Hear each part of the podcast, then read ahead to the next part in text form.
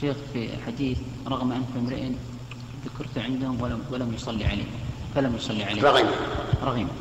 والحديث الآخر آه، من قال أخي صف فقد لغى. كيف هذه الحديثين في صلاة خطبة الجمعة؟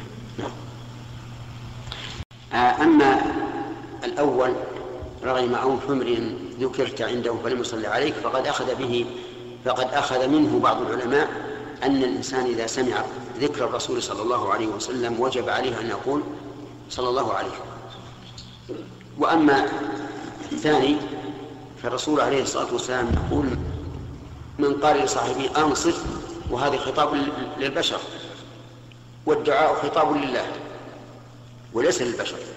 فالفرق بينهما أن الصلاة على النبي صلى الله عليه وسلم دعاء وقولك لصاحبك أنصت خطاب آدمي.